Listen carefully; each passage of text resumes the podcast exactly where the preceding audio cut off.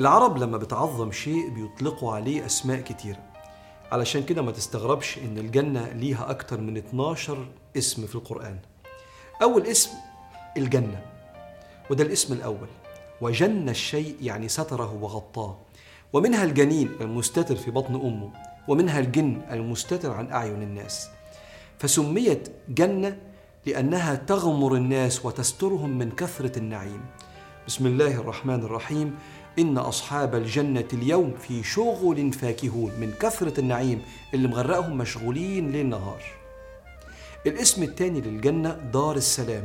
بسم الله الرحمن الرحيم. والله يدعو إلى دار السلام ويهدي من يشاء إلى صراط مستقيم.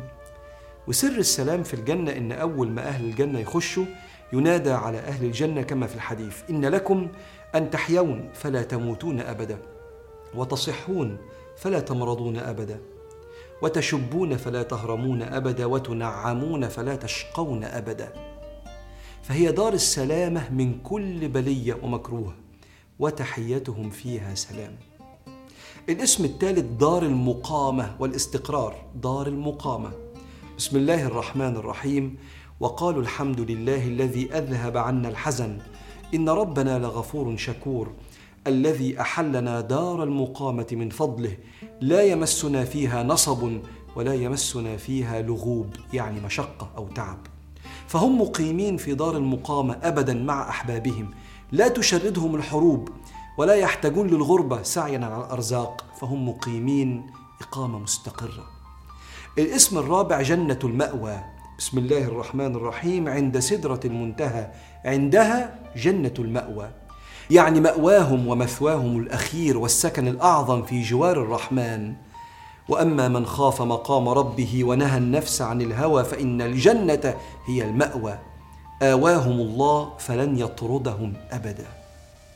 الاسم الخامس جنات عدن. جنات عدن التي وعد الرحمن عباده بالغيب. إنه كان وعده مأتيا. عدنت البلد يعني توطنته فصار لي وطنا. فأنا مش زائر على الجنة. أنا أصبحت من أهلها جنات عدن يعني بلدي وطني. الاسم السادس الفردوس.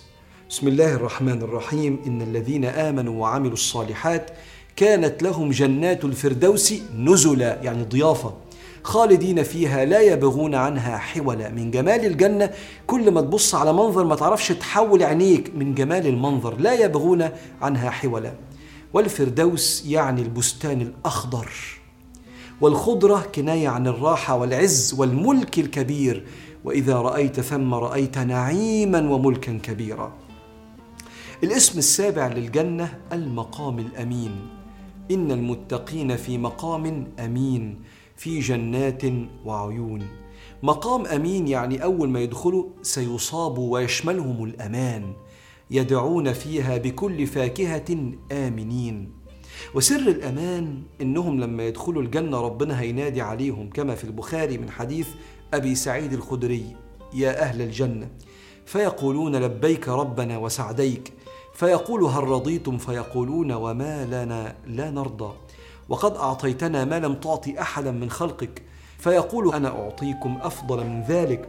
قالوا يا رب وأي شيء أفضل من ذلك؟ فيقول أحل عليكم رضواني فلا أسخط عليكم بعدها أبدا. اطمنوا حسوا بالأمان. ما فيش حد هيغلط غلطة فيطرد. أنتم في المقام الأمين. ثم نختم. تلك الجنة التي نورث من عبادنا من كان تقيا. الجنة هي دار المتقين والتقوى كما قال صلى الله عليه وآله وسلم التقوى ها هنا في القلب بحسب امرئ من الشر أن يحقر أخاه. فلو هختم مع حضراتكم ووصي نفسي ووصيكم بشيء يدخلنا الجنة أن نحترم الجميع لأن بحسب امرئ من الشر يعني يكفيك شر يهلكك يوم القيامة أن تحقر أخاك.